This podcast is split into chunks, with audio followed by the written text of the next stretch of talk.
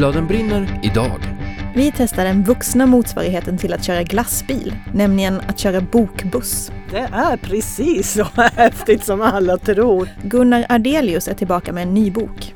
Och den här gången var det ganska ett extremt läge för min pappa hade precis eh, dött. Och, och jag tror att jag, jag började skriva för att, för att söka mig in i, i, i någon, ett, en plats där det var tryggt för, tryggt för mig att bearbeta mina känslor och tankar. Och så pratar vi om mänskliga mammor i bokvärlden.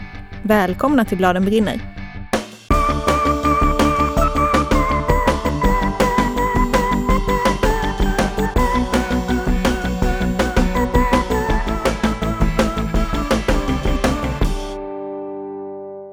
Idag ska vi släppa en liten försiktig bomb i det här programmet, Johanna. Mm, det blir om en liten stund mot slutet. Först kommer det annat spännande. Jag heter Johanna Lindbäck. Och jag heter Lisa Bjärbo.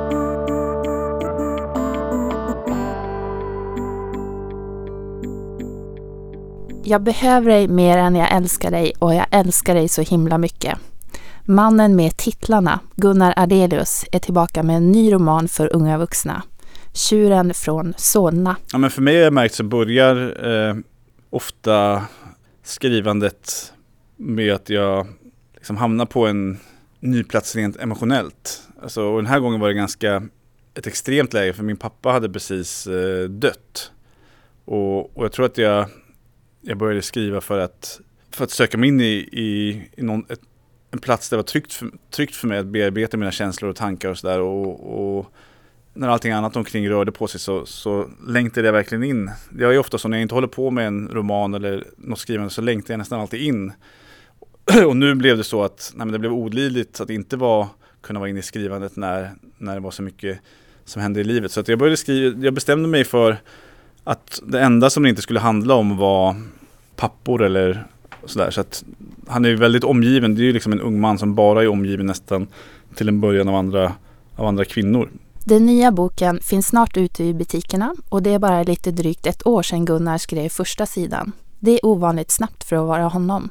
På något sätt är det som man längtar efter eller letar efter som författare, det är ju egentligen bara jag kan skriva en bok, det är bara att jag, om jag har en ton som bär så kommer boken bli bra. Det spelar ingen roll vad det handlar om. Om jag har den här tonen och känslan då kommer det liksom bli en bok. Alltså det handlar också om att kunna bara öppna upp sig själv ännu en gång och vara helt sårbar och helt naken liksom inför skrivandet och glömma bort allting som man kan sen tidigare med skrivandet och bara vara helt ny.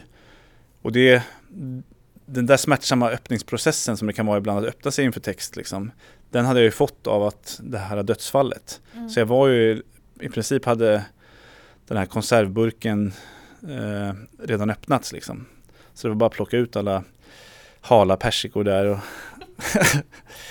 dela upp dem i aptitliga former. Och de hala persikorna den här gången blev alltså Tjuren från Solna. Den handlar om Sebastian som precis har gått ut gymnasiet. Han bor hemma hos sin ensamstående mamma i Bergshamra utanför Stockholm och hankar sig fram på ett deltidsjobb som reklamutdelare. Hela hans tillvaro är en väntan på att det riktiga livet ska börja. Det finns ju någonting spännande med perioder i livet som är brytningspunkter. Och här är det ju så att, eh, ja, eller själva tiden i gymnasiet, då har man ju haft en väldigt, ofta en väldigt tydlig, tydlig ram, ett tydligt sammanhang och man är fortfarande befriad från ganska mycket av, av vuxenlivets plikter och, och, och stora frågor. De, de, de, de, hänger i luften, man får, man får fundera på dem, man kan tänka på, man kan eh, prata om dem med sina vänner, om allt, hur storslaget allt ska bli. Men, men det, det, är fortfarande liksom väldigt långt bort. Och, och, och den här friktionen som, det, som finns i verkliga livet är ju fortfarande frånvarande utan det är det där friktionslösa fantiserandet och vad som helst kan fortfarande hända. Och sen eh, är det ju så att när man, när man väl går ut gymnasiet då, då behöver man, då behöver man ju ta en massa eh, val ofta. Eh, vännerna försvinner åt alla möjliga håll och det har de gjort för Sebastian också. Hans eh, två närmsta vänner har dragit iväg på en resa till ja, någonstans i Asien. De, de hör av sig lite grann från Kambodja och sådär. Och han saknar ju liksom en självklar plats. Eh, den platsen som han har varit på, alltså hemma hos sin mamma börjar bli för, för trång. Alltså både för honom och för hans mamma så är det väldigt uppenbart att, eh, att eh, det är någonting som, som skaver där. Och han längtar efter att skaffa sig ett liv, börja på en utbildning, få få en egen lägenhet och sådär. Så att eh, han är fortfarande i, i den där skarven liksom att han, ja, han ska precis kastas ut i allt, i allt det där. Mm. Men eh, det, är inte så, det är inte så lätt. Att läsa om Sebastian och hans mamma får mig att tänka på Lena Dunham i Girls. Det är så medvetet de dåliga vinklarna och den jobbiga superrealismen. Sebastian och hans mamma ser väldigt ofta på varandra med väldigt oförlåtande blickar och det är långt ifrån någon härlig stämning. De är väldigt nära varandra och de pratar om väldigt mycket. Eh, men samtidigt så, så förstår man liksom på båda dem att eh, för att de ska komma vidare i sin relation så, så behöver någonting eh, brytas upp sådär. Och de har båda, de här starka energierna, de här starka bindningarna gör också att det finns ganska mycket ilska också. Det finns mycket latent ilska där i Sebastian eh, mot mamman över, kanske inte över, över vem hon är, men över hela situationen som han, som han är i. Och i, i henne finns det också den här dubbelheten att, eh, att eh, liksom putta honom ur, ur boet och att han ska, ska få sitt eget liv. Och att, att hon känner sig också eh, att han är i vägen och sådär och, och hon drar sig inte för att säga det. Men samtidigt så har de båda har den där ambivalensen och dubbelheten att nej men eh, om den här personen försvinner ur mitt liv, vad, vad har jag då? Så att eh, ja, det är lite det är komplicerat kan man säga. Att det är en mamma i huvudfokus här är alltså lite ovanligt, för innan har det varit pappa efter pappa. Så var det för mig att jag började först se liksom när jag hade skrivit fyra böcker att ha alla de här böckerna relaterar på något sätt till frånvarande pappor. Det hade inte jag sett. Eh, man är ju väldigt, eh, i alla fall jag är väldigt närsynt när man skriver liksom. Man, man går ju runt i de där liksom bökar runt i de där gångarna liksom under jord och, och sen stöter man på en återvändsgränd så går man tillbaka och så bökar man vidare. Man har inte det där helikopterperspektivet över sitt eget skrivande. Mm. Men i slutändan så handlar det alltid om att, att man själv behöver, som författare behöver ta ansvar för den text man har, har skrivit. Alltså, till en viss punkt kommer man alltid till, till det att det är jag som ska ansvara för det här och stå för det här. Så att eh, det tycker jag verkligen att jag kan göra nu också. En ny erfarenhet i just den här skrivprocessen var att Gunnar blev typ en post-it-väggförfattare. Den här gången använde jag mig faktiskt väldigt mycket av, av så här klassisk eh, liksom dramaturgiska eh, vändpunkter och sådär. Eh, att jag, det var också en anledning till att det gick så fort för att jag använde mig av sån där liksom beat sheet, liksom, att jag kollade eh, de här klassiska vändpunkterna som finns i en film. Liksom. Jag kanske inte använde mig av alla men jag förhöll mig hela tiden till dem. Eh, det skapar ju väldigt mycket energi hela tiden, förberedandet framåt sådär. Mm. Så det tror jag kan vara li lite i alla fall av en i tidigare böcker kanske jag haft ungefär som samma handling med, med lite så här kroppsliga diffusa identitets, eh, hitta sig själv saker fast utan lika mycket dramaturgiska vändpunkter så att det har blivit lite mer, ibland kunnat vara lite lite rörigare att läsa, liksom, att man har behövt ännu mer språkintresse. Men den här har ändå hängt upp lite mer på sådana här uh, dramaturgiska kurvor. Och sådär. Så att det ändå ska Hur vara, var det? Ja, det var skönt. Det, det är intressant eftersom jag aldrig använt mig med det, av det så uttalat förut så märkte jag så här, ja men väldigt mycket av det här har man ju med sig som, som bara människa som konsumerar. Det, det, jag tror all, de flesta av oss är ju i grund och botten väldigt mycket experter på dramaturgi. Att man känner att när man ser en romantisk komedi och det liksom börjat jättebra så där, då känner man ju nästan i ryggmärgen så här att nej nu måste det bli ett missförstånd här mellan Hugh Grant och, och Julia Roberts liksom. Mm. Och så blir det precis när man känner att det måste hända. För man är så otroligt matad med de här berättelserna och, och så. Så man har dem ju väldigt starkt i sig. Och, och har man skrivit också har man ju alltid på ett eller annat sätt förhållit sig till dem. Så att mycket av det kunde jag ju fast jag inte visste att jag använde mig av så mycket. Medan vissa saker, att göra det lite mer medvetet gjorde ändå att, ja. Men det, då, man kan ju ha andra problem också med dramaturgi, att eftersom det är så otroligt inarbetat så kan man uppleva liksom en brist på energi eller en trötthet i berättandet om det är för mallat. Så det är ju, nu för tiden är vi, jag menar med, med tv-serier och sådär, vi är så extremt bra på att liksom byta tidsplanperspektiv och alltså vi har blivit i takt med att man, människor konsumerar så mycket berättelser så är, man ju, är de flesta jätte, jätte, kan ha, ha ganska avancerade liksom, plottar i skallen. Sådär. Mm. Så att om man gör någonting som är för mallat så upplevs ju det som på något sätt väldigt energilöst. Energilös kan man inte beskylla Tjuren från Solna för att vara. Den passar för unga vuxna och uppåt och den är skriven av Gunnar Ardelius.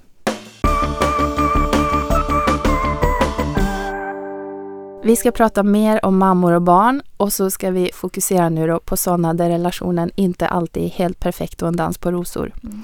I Gunnars bok är ju det här förhållandet mellan mor och son väldigt irriterat från båda håll. Och det är det som är lite ovanligt. Man Mm. är ju inte så... Att läsa om tonåringar som stör sig på sina föräldrar, det gör man ju hela tiden. Det ingår ju. Det ingår. Men att även mamman är så här, snälla kan du flytta? Dina kompisar är ute och reser, stick härifrån du också. dags. Ja, det är lite ovanligt. Händer inte så ofta i litteraturen. Och Lisa, du har ju släppt en ny bok alldeles nyligen. Mm. Och det är en bilderbok som du har gjort tillsammans med Emma Adbåge. Och den heter Samtidigt i min låtsasvärld. Mm. Där finns det också en mamma. Ja. Hon är inte heller perfekt. Nej. Hon önskar sig bort från sin kladdiga småbarnsvardag. Och då, jag har ju hört lite diskussioner medan du har hållit på med den här boken. Lite. Hela, ja, några gånger har du nämnt den eh, i den här processen. Och då vet jag att från början så kanske det skulle handla om ett barn som dagdrömde och sen blev det plötsligt en mamma. Mm. Vad hände då? Ja men det som hände då, eh, det var faktiskt ganska spännande tycker jag själv. För att det, var, det blev så himla mycket snävare på en sekund. Att när vi tänkte så här, det här ska handla om ett barn som dagdrömmer. Då var, kändes det helt fritt. Så här, det här barnet kan dagdrömma om vad som helst. Allt är möjligt nu. Men när vi ändrade det till att det skulle bli en kvinna så blev det jättemycket snävare. Och när hon dessutom då skulle vara en mamma så blev det ännu snävare. Det var som att så här, nu finns det skitmånga fallgropar här att falla i. Vad en mamma Mm. får dagdrömma om utan att det ska kännas liksom över gränsen på något sätt. Boken är ju liksom upplagd så att på ena sidan så ser man en mamma i hennes då kladdiga småbarnsvardag. Och så sitter hon där kanske och äter mat. Eh, Och så står det så här, det här är min mat, pasta med korv. Och sen bläddrar man och så är det ett alternativt låtsasvärldsuppslag där, där hon dagdrömmer om någon, något annat som hon äter. Och så står det samtidigt i min låtsasvärld. Mm. Och då var det så sjukt svårt att landa i så här, vad får en, vad får en mamma dagdrömma om att hon äter? Hon kan ju inte, hon kan ju inte till exempel banta, det blir dåligt. Hon kan inte, ja men alltså det var så sjukt många sådana här saker som bara dök upp som diskussionsgrejer som vi var tvungna att älta i hundra år innan vi kunde landa i vad hon fick dagdrömma om. Måste barnen vara med på bilden? Exakt, Kan verkligen hon så här, drömma att hon, sitter på en restaurang i ensamhet? Ja, precis. Verkligen sådana. Får hon drömma bort sina barn? Vad säger det om henne? Hur är det för ett barn att läsa om det? Du sa att, du, att det var många fallgropar. Tycker du att ni gick igenom det? Att vi testade det här och bara nej, det kanske blev lite för mycket. Då får vi stryka detta och detta. Ja men gud, vi har liksom ältat och messat och mejlat så mycket om den här boken så att Emma Advåga har liksom skämtat om att vi kan ge ut mejlkonversationen som en bok vid sidan om. Det kommer bli tjockare än Bibeln om vi ska göra det. Du, gör det. Sådana processböcker älskar man ju. Jag skulle läsa den också. Säger det redan här och nu. Mamman i boken har ju nu fått ganska mycket utgångspunkt i oss själva, eller det har hon haft hela tiden. Eh, och då var det ganska snabbt så att vi kom fram till, alltså vad dagdrömmer vi om? Det är inte så utspejsat, det är liksom inte så enhörningar och regnbågar och jätte, jätte, liksom slå på den jätte, jättestora trumman. Utan hon dagdrömmer mer om så subtila saker. Men sen har det liksom verkligen böljat fram och tillbaka. Att vi har haft jättemånga vändor där hon har dagdrömt sig bort ännu mer från sina barn då framförallt. Att hon har suttit på restaurang och druckit vin med sina vuxna kompisar och haft vuxna samtal till exempel. Men hon har också dagdrömt om mycket, mycket mindre saker som till exempel så här, jättesubtila saker som man nästan får leta i bilden efter. Så här. Hon kanske sitter i sitt kök men det hon dagdrömmer om är bara att krukväxterna ska vara lite frodigare än vad de är i verkligheten. Så att det har liksom gått upp och ner i tusen miljoner vändor innan vi landade i det som det nu blev då. Och när ni höll på att köra alla de här vänderna, var det, hade förlaget då, för man hör ju ofta det här förlag och censur, man får inte göra det och det. Var det de som sa bara, mm, vin och här." restaurang, kanske inte? Nej, nej, vi har ju haft eh, vår förläggare Moa Brunnberg med i alla de här diskussionerna. Så, så hon, det är hennes inbox vi har sprängt med alla de här mejlen. Eh, och det tycker jag har varit, eh, men det har varit en ovanlig liksom, process på så sätt att det inte har varit det här att jag skriver en text, sen lämnar jag den till förlaget och sen säger förlaget till en illustratör, Emma, så här, nu ska du illustrera den här texten och sen hörs vi typ i slutet och finjusterar så att det blir en helhet av det. Utan här har det mer varit så här en ständig diskussion där jag halvvägs in i bokgörandet inte riktigt visste vad det skulle landa i för typ av bok när vi var klara. Och det är också för att texten är så öppen så att det, jag har ju inte Alltså vi var tvungna att diskutera vad hon skulle dagdrömma om för det står ju ingenstans i texten vad hon tänker sig till exempel. Men då kanske jag kan tycka att Moa, alltså förlaget, har ju varit den som lite försiktigt har försökt få in läsaren i vårt huvud. Att hon har sagt till exempel så här, vad tycker ett barn om att läsa om att en vuxen kvinna sitter och dagdrömmer om frodigare krukväxter? Är det verkligen kul för en fyraåring? Och försökt peta oss lite mer i så här, eh, jag kanske det här, tänk lite mer på barnen Mm. som ska läsa det. Eh, och sen har vi också diskuterat jättemycket just det här, får hon drömma bort sina barn? Att det inte skulle landa i att bli en anti-barnbok eh, där barnen var, ja men till exempel då eh, vad händer om, man, om barnen helt plötsligt är borta på ett uppslag? Tror man då att de är döda? Hon Men liksom- alltså om de är med på alla andra uppslag, får de inte vara borta på ett uppslag? Jo, det får de ju. Det är ju Ja. det de är. Ja, Så det är, vi har ju landat ändå i någon slags balans, men vi har ändå haft de diskussionerna hur mycket som helst. Åh. Det, är jätte, det, har varit, det har varit ganska kul men också liksom jättespännande att det blev så himla känsligt på något vis bara för att det skulle handla om en mamma. Det var liksom jätte... för när man ser boken så det är väldigt lite text Ja. och så är det mycket bild och då Ja. kan man ju tänka det här har ni gjort på en arbetsdag. Ja, och absolut, då har vi nu tänka. den nakna sanningen. Den nakna sanningen är att det tog inte en arbetsdag. Det Nej. tog jättemånga arbetsdagar Ja. att komma fram till. Men vem är det, nu när det är färdigt, vem är det, vad tänker du om läsaren? Vem är läsaren? Ja, men jag tänker nog att läsaren kan vara nästan vem som helst. Jag, jag tror att man behöver vara kanske fyra nästan för att liksom få ett begrepp om vad en låtsasvärld kan vara. Att det finns kanske något som heter dagdrömmar eller fantasi och att man gör andra saker i fantasin än vad man gör i verkligheten. Men från där så tänker jag mig nog, eller vill jag, att det ska vara uppåt. Och att man kan vara vuxen och läsa den också eftersom det ju då eh, bland annat handlar om en vuxen person.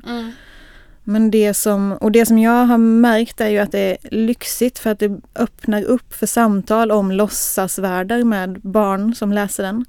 På ett sätt som jag inte, jag har aldrig fått höra om mina barns låtsasvärldar på samma sätt som eh, när jag har pratat om den här boken. Mm. Att eh, liksom den direkta frågan så här, Vad gör du i din låtsasvärld?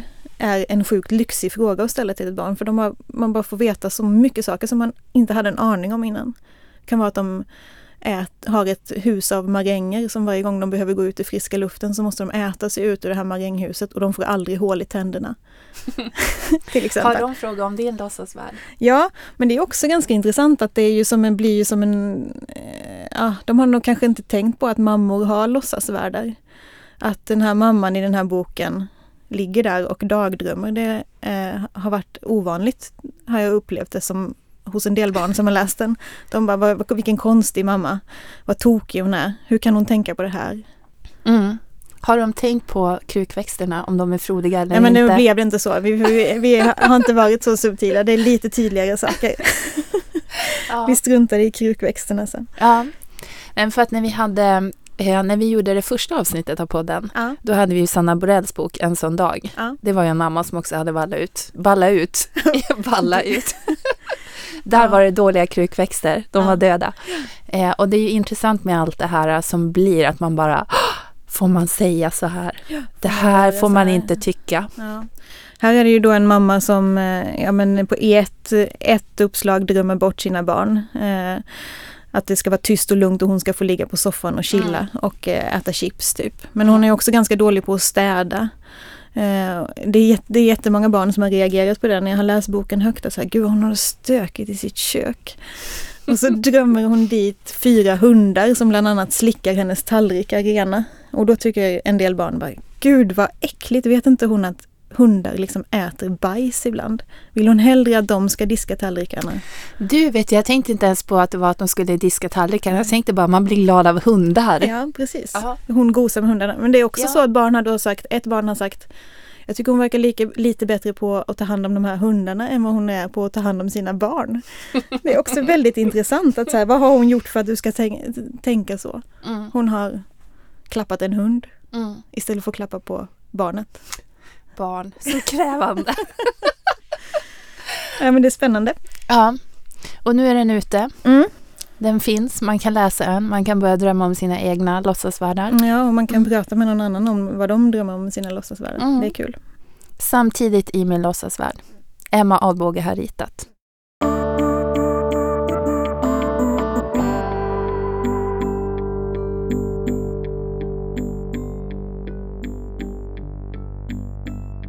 Om jag säger bokbuss Lisa, vad tänker du då? Då tänker jag mys. Jag eh, klev in i bokbussen när jag var liten och var och hälsade på min eh, mormor. Och det var alltid så sjukt mysigt att få stiga in i den här helt magiska bussen. Mm. Jag tror inte du är ensam om att tänka så här. Jo.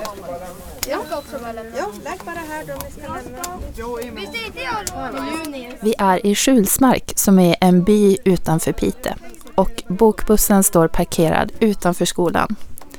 Det här är verkligen sista skoldagen innan påsklovet och det är massa snö, barnen är på väg på friluftsdagar, det är soligt, det är liksom en fantastisk vinterdag.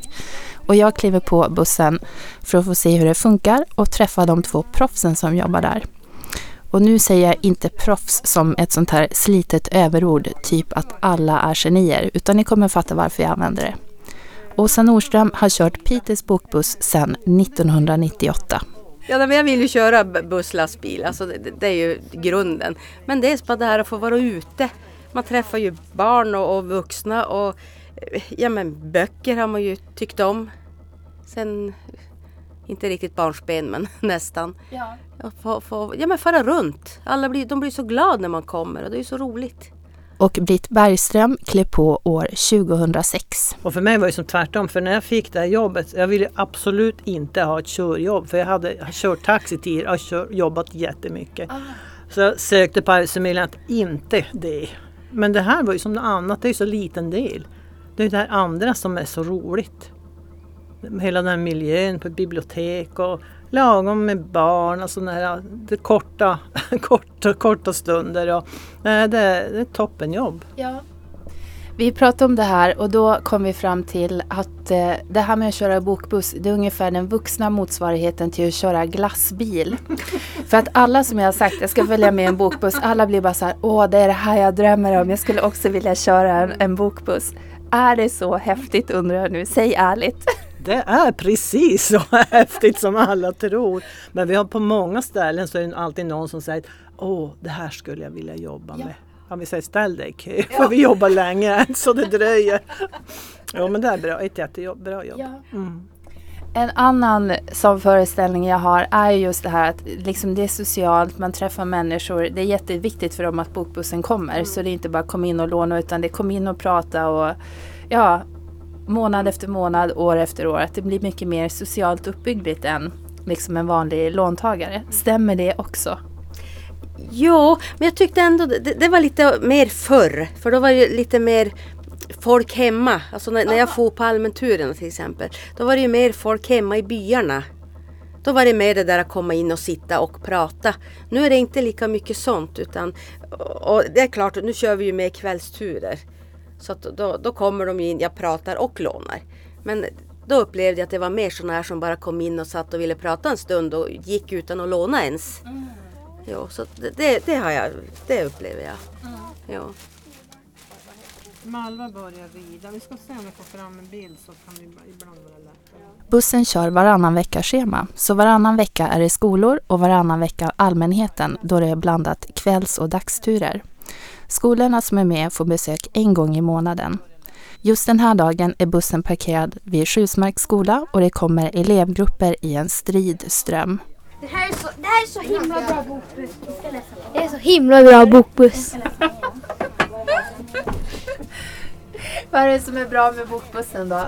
Jag tycker så här. I alla fall bokbussen. Det här är nog den bästa bokbussen man kan ha. Kan jag i alla fall säga. Den förra bokbussen användes i 25 år men i januari 2018 invigdes en ny, alltså den vi är på just nu. Och det är Britt och Åsa som har gjort den. I fyra år har de hållit på och planerat allting ner i minsta detalj. Slutresultatet blev faktiskt inte ens en buss utan en ombyggd lastbil. Vi har gjort i garaget där vi har den. Gjorde vi, vi samlade ihop kartonger och så då ritade vi, eller vi la ut och mätte och så gjorde vi som en, en buss på golvet med kartonger och band och, och så där för att mäta ut dem mellan som disk och vägg och ja, alla sådana där mått för att få något hum om storleken. Och, för det var som garaget som egentligen bestämde storleken på bussen, både höjd och längd. Och, ja. mm. Så att, eh, nej men det har varit ett, ett jätteroligt projekt men det har ju tagit tid. Vi har samlat in uppgifter från andra bokbussinköp och varit på studiebesök och fått reda på mycket vad som har fungerat bra och ja, mindre bra sådär. Så att, Vilket projekt. ja, det har varit ett rejält projekt. Men vi är så nöjda med det som blev. Alltså då måste ni känna är ju verkligen stolta Mm. över den här fina bussen för Mm. det är ni som har gjort det. Mm. Så är det. Ja. Precis, jag är jättestolta. Ja, men vad är det då? Vad tycker ni? Säg den, en jättefin grej med den här bussen som inte fanns i den gamla bussen. Jag förstår att det finns många, men om du får säga något. Ja, den här slussen framför allt. Att då kan vi stå med ytterdörren öppen och så kan barnen komma och ut och in, springa ut och in hur de vill. Och innan var det att man... Ja, då, då, då, hade vi, då var det vi som öppnade och stängde. För vi kan, är det vinter så kan vi inte stå med dörren öppen för det blir så kallt. Och det är ju vinter här. Ja, Ja. och det är ju inte som på den här bussen att vi har en termostat som håller 23 grader. Utan där var det ju allting av eller på. Så att slussen är ju fantastisk för då kan de ju springa hur de vill ut och in. Mm. Ja. Och så att, att ja, men vi har en jämn temperatur. Vi slipper gå med vinterkläder i, på vintern. Vinterskor och sådant. Mm. Så det är väl den här wow-upplevelsen som, man, som vi säger än idag. Wow, wow, alltså det är varmt och skönt. Och det är smart och fiffigt och jättelätt att anpassa efter vilken tur man kör. Skola eller allmänhet.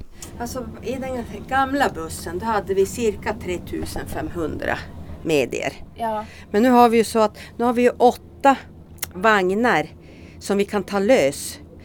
Så att när vi nu nästa vecka allmän tur då tar vi lös åtta vagnar och så tar vi ut dem och så har vi åtta vuxenvagnar så vi får som ändå plats med lite mer. ja, så man kan bara byta ut hela bussen genom att flytta vagnar. De här, de här åtta, för nu har vi ju barnavdelningen som ändå dit bort där vuxenböckerna är. Ja. Alltså den här nedre sektionen. Ja, Och så är det så smidigt, då bara pop, kör vi ut dem och så in med vuxenböcker ändå hit. fiffigt. Ja, Mm. Så det, kän, alltså, det känns ju ändå som att vi har mer i, i och med att vi kan byta. Ja. Mm. Det ryms väl 6-7 personer i bussen samtidigt, i alla fall om det är barn. Så Britt och Åsa står bakom disken och fixar allting. En grupp elever kommer in, lämnar tillbaka, lånar nya böcker, sticker ut och så kommer en ny grupp in och så där rullar det på. Och så är det ju lärarna. De får också låna och plocka upp beställningar. Men vi har ju nu lärarna här, många lärare, eller många, en del de vill ju ha att vi gör i ordning en, en påse så att de har i klassen. För dels lånar barnen själv och så har de jag menar, klass, en, en, en påse i klassen helt enkelt. Och det har vi ju märkt det ju har ökat massor. Att lärarna vill ha det? Ja, ja till, och förskolorna gör vi i ordning jättemånga. Va, alltså, vad, hur kommer det sig att det har ökat? Nej, alltså lärarna de har, de har ju som inte något nå skolbibliotek nu. Ja, nu med. Ja, så att då, då vill de ha så att de inte ska behöva sitta utan. ah. Ja. Mm. Mm. Gör ni då ett urval att ni bestämmer de här böckerna, att man får nyheter och gammalt och blandat och Ja, allt vi, vi, möjligt? vi kör lite allt möjligt. Mm. Så att, för det är ju så bra då samtidigt för då kan man ju få iväg någon liten äldre bok som kanske ser tråkig ut på framsidan. För många, ser, många barn ser ju på Gud, ja. hur de ser ut så det är ju ganska viktigt egentligen. Det vet man ju redan. Ja, ja men, men så då är det så bra för då får vi ju iväg lite gammalt och då kan ju många barn komma och säga åh jag vill ha en fortsättning på den. Alltså att, att man får som gammalt och nytt. Mm. Ja, mer Mm. Tror vi vi får ut. Jo, men det Ja. försöker vi. Men tror ni, de här barnen som lånar böcker nu, som får besök av er en gång i månaden, det här kanske inte ni vet, men brukar de besöka bibliotek på fritiden med sina föräldrar? Många gör det inte. Nej. För vi ser ju deras lån, alltså vad de har utlånat. Och då ser vi ju datum, det som ska återlämnas, vårt besöksdatum, det är ju lånat här. Och vissa de har ju då andra datum eller man säger att det är lånat. Men nog tror jag, de kan ju för sig låna på föräldrarnas kort. Men jag tror väldigt många inte går på biblioteket. Mm. Så det här är biblioteket? Ja. Mm. Och det tråkiga är, för att för några år sedan så gjorde vi om i Piteå så att barn som lånar på skolan ska låna med sitt kort det de ska ta hem. Och det läraren ska ha i skolan ska lånas på ett klasskort. För att det blev ju så att alla föräldrar, de hade ju inte riktigt koll på de här böckerna som blev kvar i skolan och så försvann de och så fick de en räkning på boken. och det, det var de ju glada över förstås. Så då blev det sådär. Och det fungerar väl överlag. Vi har ju som ingen koll på om de verkligen gör så. Men man hör ju då bland vissa barn, nej jag får inte ta hem någon bok. Eller jag får inte låna, utan då måste de kanske låna på lärarkortet och ha i skolan. Och det är ju lite tråkigt. Alltså varför får de inte låna? Ja, de föräldrarna är nog rädda att de, de kanske har fått betala en gång eller mm. många, väldigt många bor ju på två ställen. Mm. Och det kan ju vara lite svårt att hålla reda på hos vem är boken. Och, mm. Så att det är ju jättetrist. Mm. Och speciellt när de då gärna vill läsa. Och kanske inte får låna. Mm. Men det är ju då föräldrarnas beslut. Så att det är bra om lärarna då säger att ja men låna så har du den i skolan. Så får de i alla fall tillgång till böcker. Mm. Det är inte privatpersoner då som får komma nu när ni är på skolturer? Alltså vuxna får inte jo, komma? Får ja, då får de. Ja. Vi har här och var någon som passar på. Ja. Så att det går bra. Men de känner ju själva att de är, det är trångt. Så det är väl ren bevarelsedrift att de inte kommer tror jag. Men det är någon som, och ibland så ringer vi för att Åsa är den som då jobbar varannan, alltså allmän vecka när det är ut till allmänturen. Och då mm. kan det vara vi får in en bok som någon av dem ska ha kommer in, ja men som den här dagen, så då brukar vi köra förbi, då ringer hon och säger att nu har vi en bok åt dig, så då passerar vi där och så lägger vi det kanske i brevlådan. Så Eller också då, kommer de själv. Ja precis. Som i måndags när vi var i Gävle. Mm. Då hade vi till en, en karl och en kvinna så då hade vi mejlat och ringt dem att om ni vill så får ni hämta här då i, i bussen. För då är det ju, jag är för sig, det är ju drygt en vecka innan vi kommer till Gävle mm. nästa gång men ändå, då hinner de ju få den före. Det är ju frivilligt om de vill hämta eller inte. Och det är lite taktiskt för många gånger är det kanske en bok som det är kö på så då kan vi hinna få igen den kanske till nästa gång ja. och så får nästa den då. Så det är lite taktik där. Smart! Precis. Och väldigt schysst, tänk att få en bok i brevlådan. Mm. Vad nöjd man skulle mm, bli. Det blir de. Ja. de är jättenöjda. Men vi passerar ju, alltså det, det, är ju inget besvär utan vi, vi passerar ju. Ja. Så det, det, är ju, som vi har ju till och med en, en dam som bor i det här hyreshuset här. Så hon var ju sjuk när, när vi var på kvällsturen nere vid gamla affären. Så då kom hon hit då, så fort vi var här då på förra skolturen. Då kom hon hit och lämnade den. Ja. Ja, ja men alltså det, det, det, det funkar ju. Mm. Ja. Det här var Åsa Nordström och Britt Bergström på Pites nya fina varma bokbuss. Härligt. Hur var det då? Var det lika mysigt som du tänkte? Det var mysigt men det var väldigt högt tempo och det här var väl skillnaden mot ett bibliotek. För att i bokbussen var det bara kort besök, de bara eleverna strömmar in, liten yta, folk ja. överallt. Ja, det var ganska ruschigt. Jag blev helt trött efter att jag hade varit där några timmar och de sa att så blir det alltid när det är någon nybörjare. Men det var jättemysigt. Så jag tänker att plan B i livet, Köra ta bokbuss. körkort för lastbil och sen bara söka jobb på bokbussen. Mm.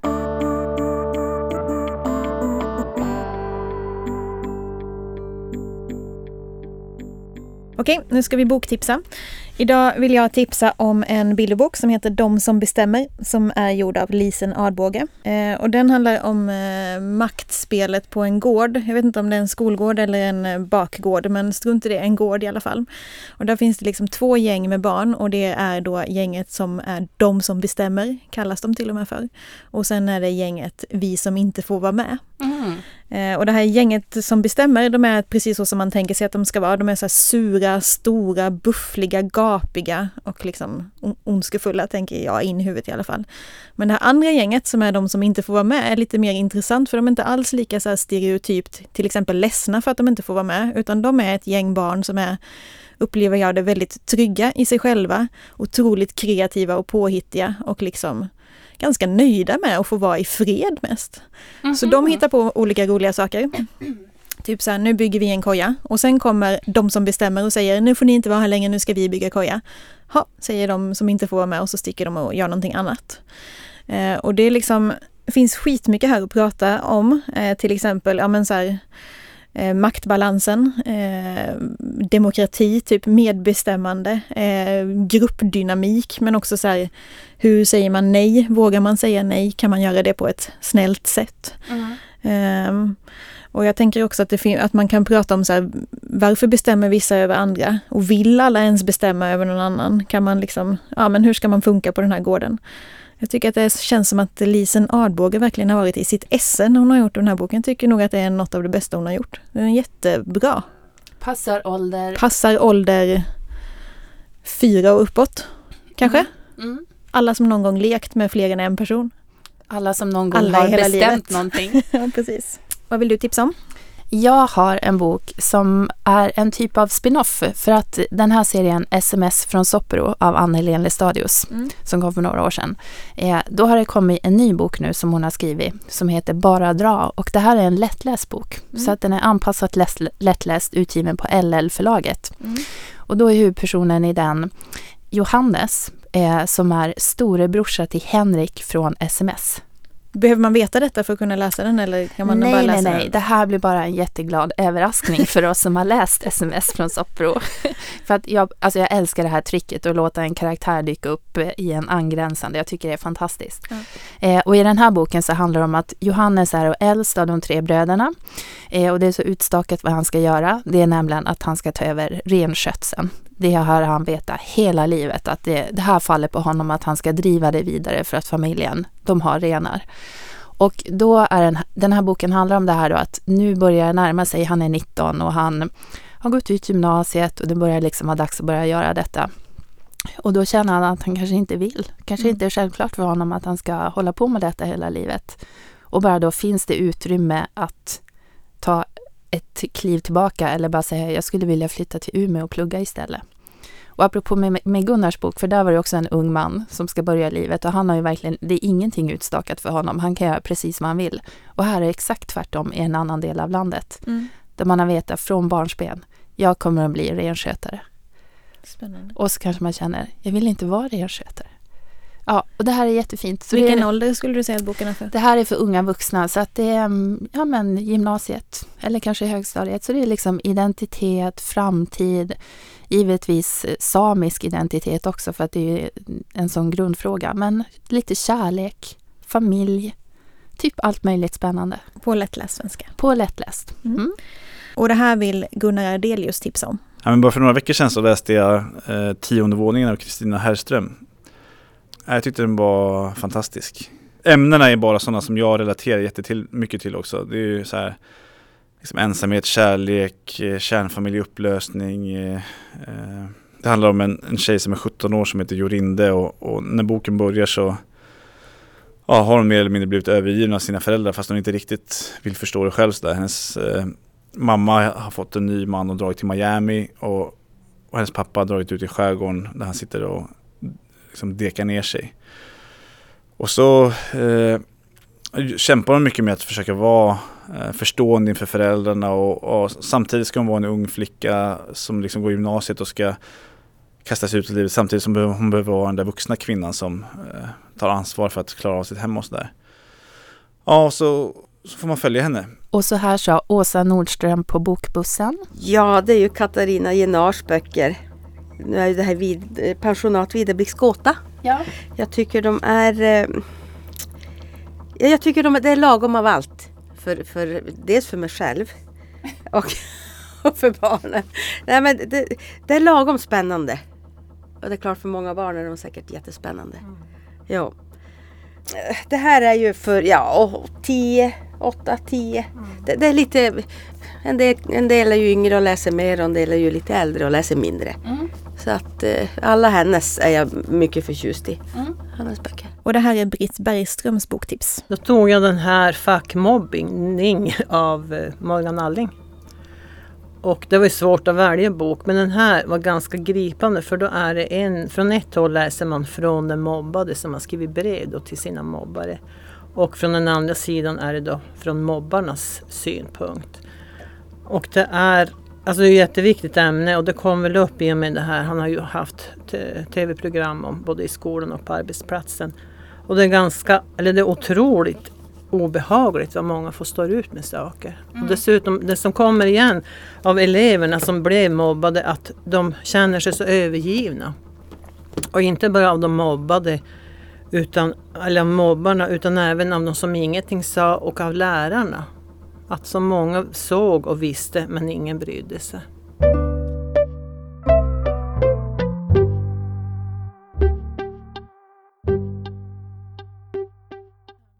Nu är det slut för idag. Fast först kommer då den lilla bomben som vi hintade om. Nu är det dags. Eh, och det, bomben är nämligen det här att nästa avsnitt av Bladen brinner, det kommer att bli det sista någonsin. Det är slut. Det är slut, det är Ja. över. Varför är det slut Lisa? Ja men åtminstone så är det slut i den formen som vi har gjort den här podden nu. Eh, alltså det är svårt att säga att det är slut, slut, slut, slut, slut. För det, du och jag kommer ju ändå fortsätta, att läsa barn och ungdomslitteratur och tycka att det är det mest intressanta i världen och babbla om det i alla olika möjliga mm, format och sätt. Så fort någon, så fort vi kan. Ja. Men i det formatet som podden har nu, att den kommer varannan vecka och eh, har den här typen av avsnitt, det kommer att ta slut i och med nästa, Mm. nästa program. Och det är ju lite olika orsaker till detta. Yes. Den största är kanske att det har tagit ganska mycket tid. Ja. Ja, Vi började ju den här podden för att vi var så frustrerade över att vi tyckte det pratades för lite om barn och ungdomslitteratur. Och att vi själva gick omkring och bara, men åh, varför får vi inte prata om det här? Varför är det ingen som frågar oss det här? Eller sådär. Och att vi ville åka hem till en massa intressanta upphovspersoner eller liksom bokmänniskor och prata om de här sakerna som vi hade längtat efter att prata om. mm. Och det har vi ju gjort. Gud ja. Det har ju varit så fruktansvärt roligt. Det har liksom- varit helt otroligt. så himla många sms som vi har skickat mellan varandra så bara jag är helt hög nu för jag har varit Ja. hemma hos XX och jag har fått titta på penslar eller vad det nu Och kan bara vara. liksom att man ställer en fråga till en person. Får jag komma och diskutera det här och alla säger ja. Ja, Helt otroligt. ja. Verkligen. Jag som- håller redan, alltså vi har redan diskuterat Kommer vi att kunna mejla någon i fortsättningen? Får jag komma hem till dig och prata om det här? Får jag komma och se på Fast dina penslar? Det inte kommer att bli en podd. Nej, det kanske kommer bli pyttelite svårare att, att närma sig personer på det viset. Ja. Nej, Men samtidigt som det har varit roligt, extremt roligt, så har det också varit just det här att det tar mycket tid. Ja. Eh, och ehm, Det tar ju jättemycket tid. ja, Varje avsnitt, alltså jag tänker mig att vi har jobbat flera dagar i veckan nästan med detta sen vi började för två och ett halvt år sedan. mm. Eh, och det har ju till exempel visat sig att din, din bok som du skrev eh, blev försenad. första gången i livet. Ja, Tack jag, podden. jag har för första gången på jättelänge haft år när jag inte har släppt någon bok till exempel. Mm.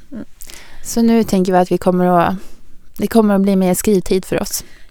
Att vi liksom har, nu har vi gjort den här podden och dragit vårt strå till den lilla stacken som vi då tycker ska byggas på. Men att nu kanske vi känner oss färdiga med det.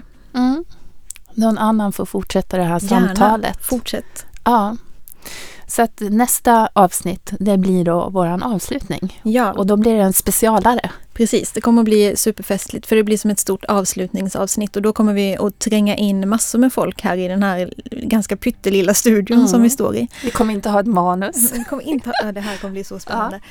Eh, och då ska vi ha som eh, ja, men, eh, lite tillbakablick men också egentligen mest framåtblick. Liksom. Mm. Det låter ju skittöntigt. Nej, det låter inte töntigt. Jag tycker att det låter spännande att lyssna på. Jag är väldigt själv nyfiken på vad detta kommer att bli. Verkligen. Ja, Det kan bli vad som helst. ja, så det får ni inte missa. Det blir nästa gång. Bladen brinner görs i samarbete med Dieselverkstans bibliotek. Och en lång rad bokförlag som är Rabén och Sjögren, Bonnier Carlsen, Alfabeta, Opal, Lilla Piratförlaget, B. Wahlströms, Bergs Bokförlag, Nypon förlag och Natur och kultur. Tack ska ni ha. Och tack också till Gustav Edman på Fabel som har producerat och till Håkan Lidbo som har skrivit musiken.